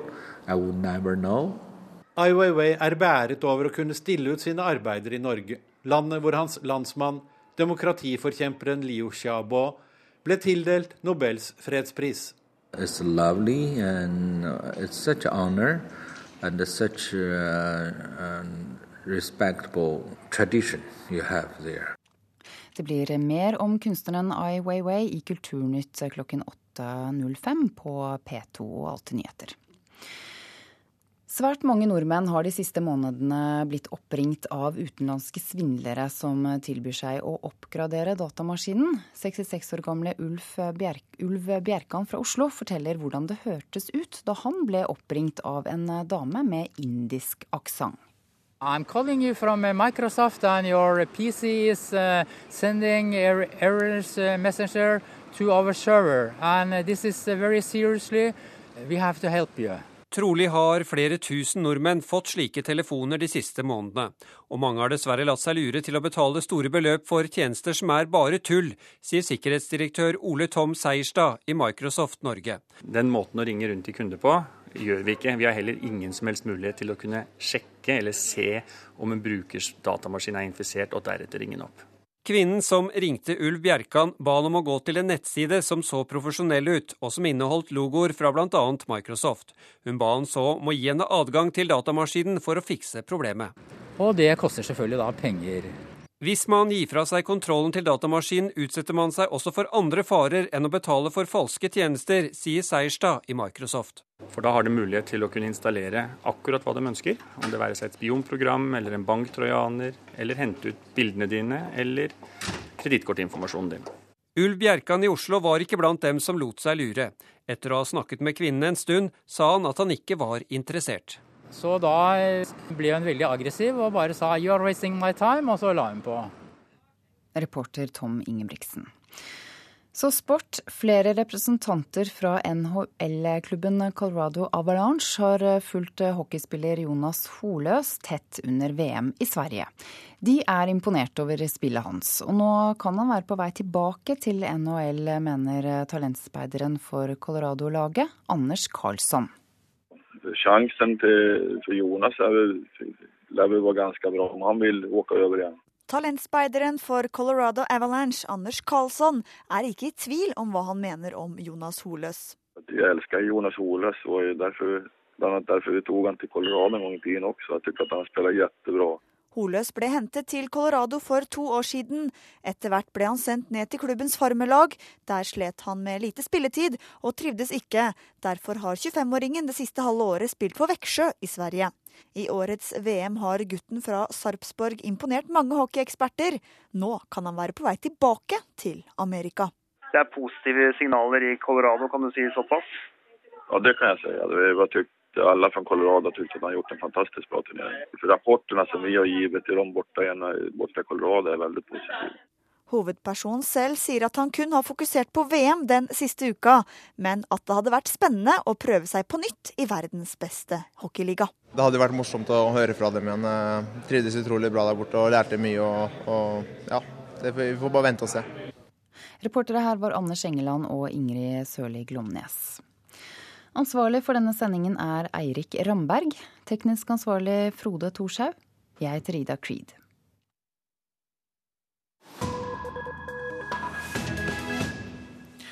Fredrik den store blir markert i Tyskland i år. 300 år etter hans fødsel holdes 150 utstillinger og andre arrangementer. Få tyskere er i tvil om at prøyserkongen er en av de største personlighetene i landets historie, men fortsatt krangler de om hva han har betydd. Arnt Stefansen rapporterer fra Berlin. Fredrik den store kommanderer sin armé til angrep. Et bilde på den store prøyserkongen som alle tyskere kjenner seg igjen i. For han kriget ustanselig gjennom sin 46 år lange regjeringstid. Ikke før hadde han tatt makten i det herrens år 1740, før hans styrker rykket inn i Slesien i det nåværende Polen og erobret området fra de mektige habsburgerne. I løpet av de neste tiårene gjorde han kongeriket Prøysen til en av Europas fem stormakter. Men Fredrik den store var mye mer enn en fremgangsrik krigsherre.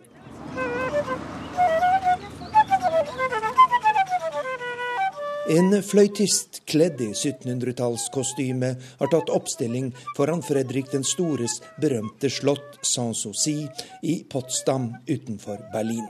Det var her, i selskap med intellektuelle og musikkelskere fra hele Europa, han likte seg best. Kongen var en dyktig fløytist og komponist, og han siterte gjerne filosofen Platons utsagn om at en ideell hersker må være en dyktig musiker. Friedrich äh, hat ja die Musik sehr geliebt und ich glaube, man kann da auch Fredrik var svært glad i musikk, og jeg tviler ikke på at dette var viktig for ham personlig, sier historikeren Alfred Hagemann ved de prøyssiske slott i Potsdam. Men det er også klart at han bevisst brukte dette for å skape det bildet han ønsket å gi omverdenen. Kulturmennesket, den dannede fyrste og den gode konge. Fredrik den store var det man i dag ville kalle et PR-geni, som var utrolig dyktig til å iscenesette seg selv, sier han. Fredrik den stores vakre rokokkoslott i Potsdam invaderes av besøkende nå i jubileumsåret. Folk fra hele verden lar seg beta av de praktfulle salene og av historien om mannen som forandret de tyske områder og Europa. Men for en besøkende fra Norge er det vanskelig å unngå å tenke på alle dem som betalte prisen. Synnøve Ulvik, førstelektor ved Høgskolen i Oslo, sier det slik. Nå kan vi jo bare nyte det, men eh, på den tiden så var det jo en liten elite som hadde tilgang til så mye komfort og luksus, selvfølgelig. Han kalte seg folkets konge, og hans regime ble betegnet som det opplyste eneveldet, der nye tanker om toleranse og respekt for enkeltmennesket sto i sentrum. Og Fredrik den store var ingen despot, men en belest og klok fyrste som hadde den franske filosofen Voltaire som en av sine viktigste rådgivere. Men var han egentlig opptatt av sine undersåtters ve og vel? Das ist eine sehr gute Frage. Da muss man, glaube ich, deutlich sagen, dass das Friedrich nicht interessiert hat. Det er et veldig godt spørsmål, og der må man nok slå fast at dette ikke interesserte ham, sier historikeren Alfred Hagemann. Hans mål var ikke å gi sine undersåtter et bedre liv, og folkets mening om ham interesserte ham ikke. Det som betydde noe for Fredrik den store, var at Europas intellektuelle beundret ham og så på ham som en stor konge, sier historikeren.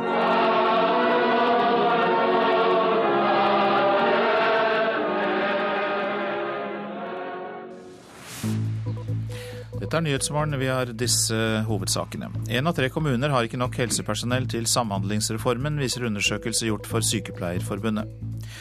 Bøndene raser fordi Sunnmørsposten ikke dekket bondeopprøret. Blokkerte i natt utkjøring av aviser fra trykkeriet. Og den regimekritiske kinesiske kunstneren Al Weiwei får ikke komme til sin egen utstilling i Norge. I Politisk kvarter er det penger og ansvarlighet som er tema hos deg, programleder Line Tomter. Ja, finanskrangelen mellom Frp og Arbeiderpartiet eskalerer. Frp er lut lei av å være statsministerens hakkekylling. Arbeiderpartiet og Frp møtes til duell i Politisk kvarter.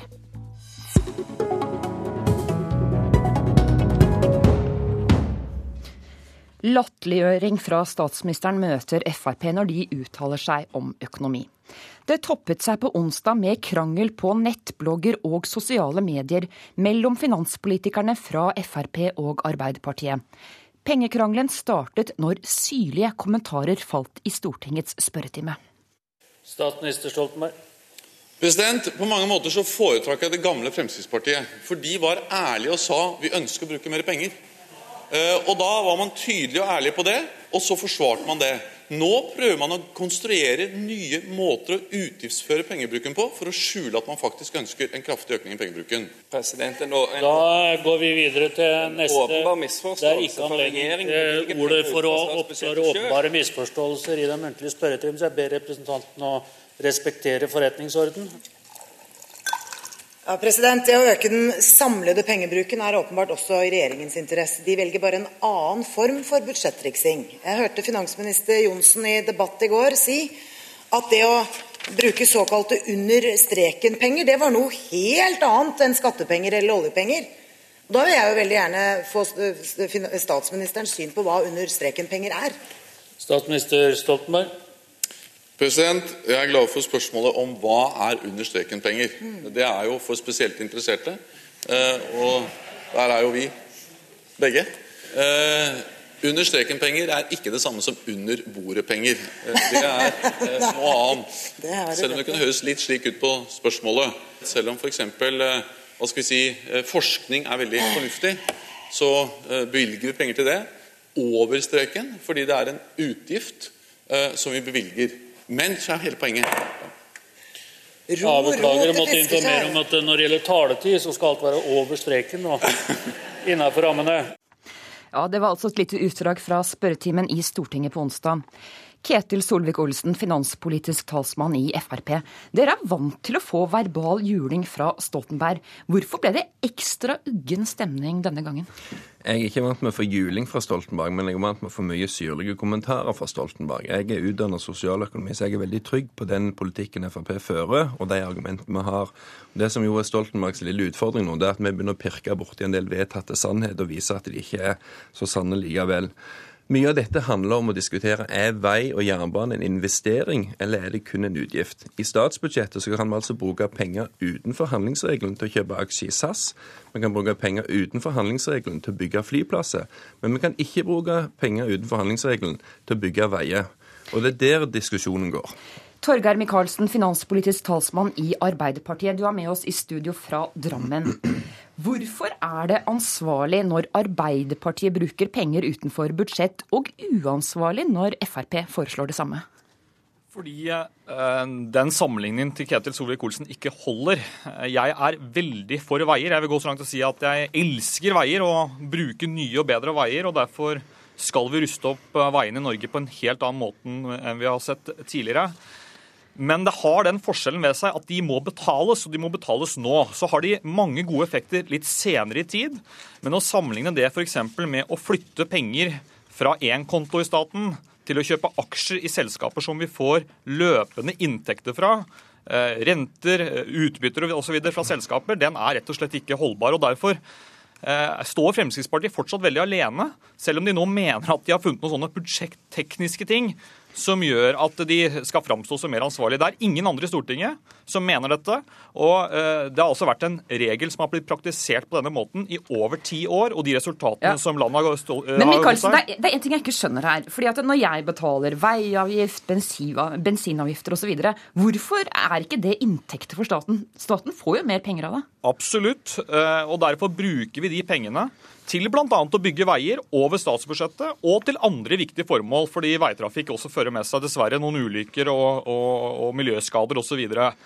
Men det er likevel ikke sammenlignbart. F.eks. når vi eh, bygger veier, så gjør vi det på to måter i Norge. Vi bevilger penger over statsbudsjettet. Der har vi sagt at vi skal bruke 100 milliarder kroner ekstra på veier, jernbane og andre infrastrukturtiltak i denne planperioden. Og så er det noen som sier da at det ikke er nok, og det er det mange politikere over hele landet som sier, inkludert Fremskrittspartifolk. Men nå skal sier... vi ikke ha en samferdselsdebatt her. Nei, det er, det er snakk om finansiering. Ketil Solvik-Olsen, nå får du ordet. Jo, fordi at her gir han inntrykk av at det er forskjell på disse tingene. Men altså, hvor mye løpende inntekter har vi fått fra SAS de siste årene? Vi har brukt 1,3 milliarder kroner utenfor handlingsregelen. Vi kan altså gi oljepenger til å finansiere flyvertinner, men du får ikke lov til å gi de samme pengene til å finansiere veiarbeidere. Da hadde du brutt handlingsregelen. På samme måte når det gjelder flyplasser. Avinor har fått oljepenger utenfor handlingsregelen, og de får inntekter fra flypassasjerene. Men det er jo en selskapsteknisk struktur. Hadde du gjort det samme på veier, så hadde du altså hatt, kunnet tilført et veiselskap opptil 60 milliarder kroner i bilrelaterte avgifter hvert år. Det hadde vært en fantastisk inntekt, og de kunne gitt store utbytte til staten, akkurat som Avinor i dag gir ganske små utbytte til staten. Så det er ingen forskjell på dette. Det som det, som det kommer ned til, det er at når staten i revidert statsbudsjett har fått 5 milliarder kroner ekstra i skatteinntekter fra fastlandet, 27 milliarder kroner ytterligere for olja, men si, vi diskuterer de 5 milliardene som har kommet innenfor budsjettet eh, på skatteinntekter. Det er det samme som det vil koste å bygge ut Ryfasttunnelen. Men Ryfasttunnelen skal vi bompengefinansiere til 6,5% Det blir dette veldig teknisk. Ja, nei, men poenget her det, det, det er at vi låner ut oljepenger til Tyskland til 1,8% rente, og så skal vi låne inn penger til Norge til 6,5% rente for å bygge en tunnel. Ja. Michaelsen, hvor sikker er du på at denne finansieringsmodellen som dere kjører, er den beste for norske skattebetalere og, for, og bilister? Vi tror i hvert fall at de resultatene de siste ti årene har vist at det har tjent Norge godt. og det er jo også... Eh, Men er det alltid det billigste for bilistene? Nei, altså det er jo I en ideell verden så skulle man jo helst unngått å ha de fleste veier og eh, hva skal vi si, andre avgifter. og Fremskrittspartiet har jo bl.a. foreslått å fjerne all bompengegjeld og eh, redusere skattene på bilistene kraftig. Så de inntektene som Solvik-Olsen peker på, finnes jo egentlig ikke når Frp eh, Jo, men dere har jo altså, Unnskyld meg, Solvik-Olsen. Din tidligere eh, talsmann i ja. altså, Han foreslo i Stortinget at all bompengegjeld skulle slettes. Jo, og at ja, altså, disse inntektene som du snakker om skal tilføres dette selskapet, de finnes jo ikke hvis dere får bestemme. Jo, må men, men, men, nei, nei, men nå må jeg bare få fullføre. Ja, men du tar feil. Ja, ja men da kan du snakke. Da kan du få kommentere det etterpå. Ja. Eh, eh Solvik-Olsen bruker nå SAS som eksempel. Det sier litt om glidefukten han også har vært ute eh, gjennom. Fordi han begynte å sammenligne veiinvesteringer med investeringer på sokkelen, altså investeringer i, eh, i, i oljesektoren, som er super, super, superlønnsomme og gir store inntekter til staten. Enig. Og nå er vi altså i SAS, og SAS er altså til salgs. så Det syns jeg ikke er et veldig godt eksempel. Poenget her det er at det er to argument eh, i dagens handlingsregel. Det ene er at det er formueomplassering, altså at det er gode investeringer. Da kan du bruke oljepenger. Men poenget er at SAS er åpenbart en dårlig investering, og dere har likevel brukt penger på det. Men dere har ikke lov til å bruke penger på investeringer i vei. De skal lånefinansieres. Når det gjelder min sammenligning med oljeindustrien, så er det at dere sier at vi kan ikke bruke de pengene på vei fordi det gir press i økonomien. Men dere kan bruke de samme pengene på å bygge ut oljevirksomhet. Det gir den samme pressen i økonomien, men da har dere en helt annen unnskyldning. Og dere må bli enige med dere sjøl. Er det press i økonomien som er det problem, eller at det skal investeres? Jeg vil gjerne være med å investere i olja, men jeg forstår ikke hvorfor det er greit å investere i SAS, mens det er ugreit å ta de samme pengene til å investere i veier. Veier er i FrPs verden åpenbart en investering, men for dere er det en utgift. Og der er vi uenige, og det er det denne debatten egentlig handler om. Michaelsen? Ja, eh, altså Når det gjelder sokkelen, så er det sånn at hvis du investerer 1 milliard på sokkelen, så får du 15 milliarder kroner tilbake. Derfor har vi valgt å uh, si, gjøre det på en litt annen måte. Og så, etter at vi har tatt hensyn til hvor mye det skal investeres på sokkelen, hvor mye man tenker at det skal investeres på land, så tilpasser vi den offentlige pengebruken ja, men Det finnes jo flere måter å se verden på. Det finnes jo flere måter å sette opp dette regnestykket på. Ja, men jeg forstår liksom ikke at når vi har så gode erfaringer med den regelen vi tross alt har eh, alle partier bortsett fra Fremskrittspartiet har vært enige om de siste ti årene, i en meget alvorlig situasjon i, på vårt eget kontinent, en veldig alvorlig gjelds- og eh, arbeidsledighetskrise, Nå er det skal prøve- skal prøve er- ja. noe nytt. Det syns jeg, jeg ikke er ansvarlig, og jeg skjønner ikke da hvorfor ikke Frp også kan ja vel, si det som det er. Enten skal vi bruke mer oljepenger, og det er, tror jeg det er det dere egentlig mener, eller Men nå har jo de rød-grønne brukt mer oljepenger, de også. Det brukes jo mer penger for hvert eneste år. Selvfølgelig, og det er jo hele poenget med handlingsregelen. Det er en gradvis forsvarlig innfasing av oljepenger i norsk økonomi. og det har vi gjort Ketil på en Solvik-Olsen, god var det måte. deg? Jeg er helt enig i det du sier, at olje er kjempelønnsomt. Frp har vært en pådriver for å bygge ut norsk oljevirksomhet fordi vi vet at det gir inntekter. Men jeg syns det er uansvarlig økonomisk politikk å tvinge norske bilister til å måtte lånefinansiere veier til 6,5% der pengene stort sett kommer fra utlandet, mens vi sparer overskuddet på statsbudsjettet til 1,8% i Tyskland. Det betyr altså at norske bilister må betale for et veiprosjekt i Rogaland til 4,8 milliarder kroner. Så må de betale 9,9 milliarder kroner i bompenger fordi de skal dekke 4,7 milliarder kroner i renteutgifter. Hvis vi hadde brukt litt av overskuddet i olje, oljeinntektene våre til å heller selv finansiere vår egne veibygging, så kunne bilistene spart 4,7 milliarder kroner i renteutgifter. Det hadde vært ansvarlig politikk, det. Ja, hvor, hvorfor er det lurt at, eh, at dette lånefinansieres, denne type veiprosjekter, når det blir dyrere for, eh, for oss som skal kjøre på veiene? Fordi at selv om vi har rustet bevilgningene kraftig opp over statsbudsjettet, så er det mange som mener at det skal bygges mer og at det skal gå raskere rundt omkring i landet. Problemet er at det må, og det er veldig for det Men det er jo masse som men lånefinansieres. Det er en rekke, rekke prosjekter som gjør det.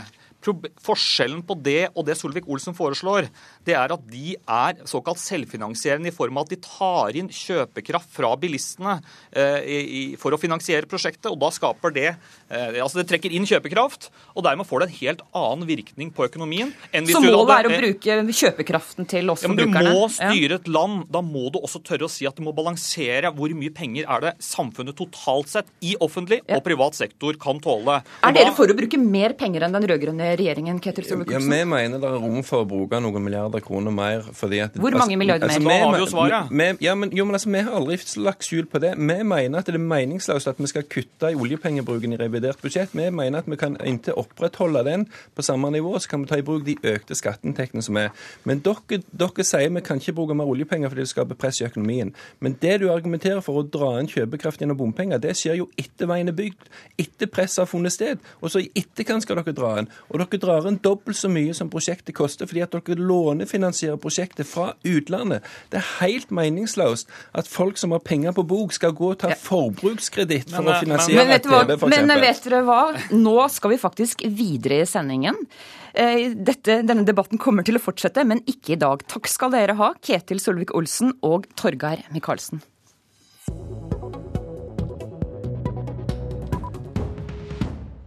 Fiskerne i Nord-Norge risikerer store tap fordi Olje- og energidepartementet ikke vil lytte til fornuft, hevder Norges, Fiskarlag. Departementet har bestemt at det skal skytes seismikk utenfor Helgelandskysten på samme tid som forskerne skal kartlegge makrellressursene i Nord-Norge. Lederen i Norges Fiskarlag, Reidar Nilsen, hva blir konsekvensen for fiskerne? Ja, da må jeg dra det inn i et internasjonalt perspektiv. Fordi at eh, Norge sammen med EU Og for å finne ut hva som er norsk andel, så er det bestemt at vi skal foreta en måling og telling av makrellen på den norske kysten, i dette tilfellet Nordland og nordover. Samtidig da som han Ola Borten Moe skal skyte seismikk med båtene sine i samme område. Det er det som opprører meg og fiskerne i det her. Ola Borten Moe han er ikke til stede. Han har heller sendt statssekretær i Olje- og energidepartementet Per Rune Henriksen. Og Henriksen, hvorfor velger dere å overkjøre fiskerne i denne saken? Vi overkjører ikke fiskerne. Vi har eh, spurt eh, fiskerne ved flere anledninger hvilket tidspunkt som vil være å foretrekke. Og Nå har vi planlagt å gjennomføre det i juli måned. og Det er fordi at eh, vi vil ikke påvirke gyting, og fordi perioden, eh, det, er en periode med lav fiskeriintensitet. Så er det klart at den eh, situasjonen med, med toktet fra Havforskningsinstituttet det må håndteres. Og Der har vi en god dialog og regner med at dette her skal vi kunne håndtere godt i samarbeid med, med Havforskningsinstituttet. Ja, Nilsen, nå hører vi at det er en god dialog her. Hvordan føler du også at dette er en god dialog?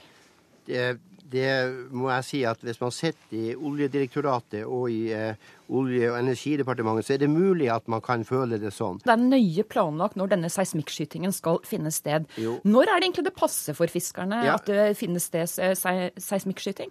Ja, vi har anbefalt at man skal gjøre det her utpå høsten, sen høsten, når både fisket er over og når, når HI eh, er ferdig med sine tukt. Henriksen, hvorfor kan ikke dere bare forflytte flytte denne seismikkskytingen til senhøsten? Dette har vært eh, planlagt lenge, og uh, Fiskarlaget har vært uh, konsultert flere ganger. Så per, per, i dag, så vidt jeg har fått opplyst, så har ikke vi fått noe anbefalt fiskeriinnsamlingsperiode fra, fra Fiskarlaget. Det, det, stemmer, det, stemmer, ikke. Men Nilsen men, lyver Henriksen, lyver Henriksen men, når han sier nei, at, dere har, at, dere ikke har sagt, kom, kommet med noen anbefaling når dette skal skje? Nei, men Det er jo tydelig at han ikke er orientert. og Det er jo faktisk det vi opplever gang på gang og år etter år. At det er fullstendig elendig kontakt mellom myndighetene i Olje- og energidepartementet og Oljedirektoratet og Fiskeridepartementet og Fiskeridirektoratet på den andre sida. Vi er godt orientert om at Fiskarlaget har sagt at de ikke ønsker dette seismikktoktet. Konsekvensen er det at vi som nasjon ikke kan bestemme hvor mye makrell vi har i norske farvann og Norge som nasjon. Ja, det var alt vi rakk i dag. Takk til Fiskarlagsleder Nilsen og statssekretær Henriksen. Politisk kvarter fredag er over. På gjensyn.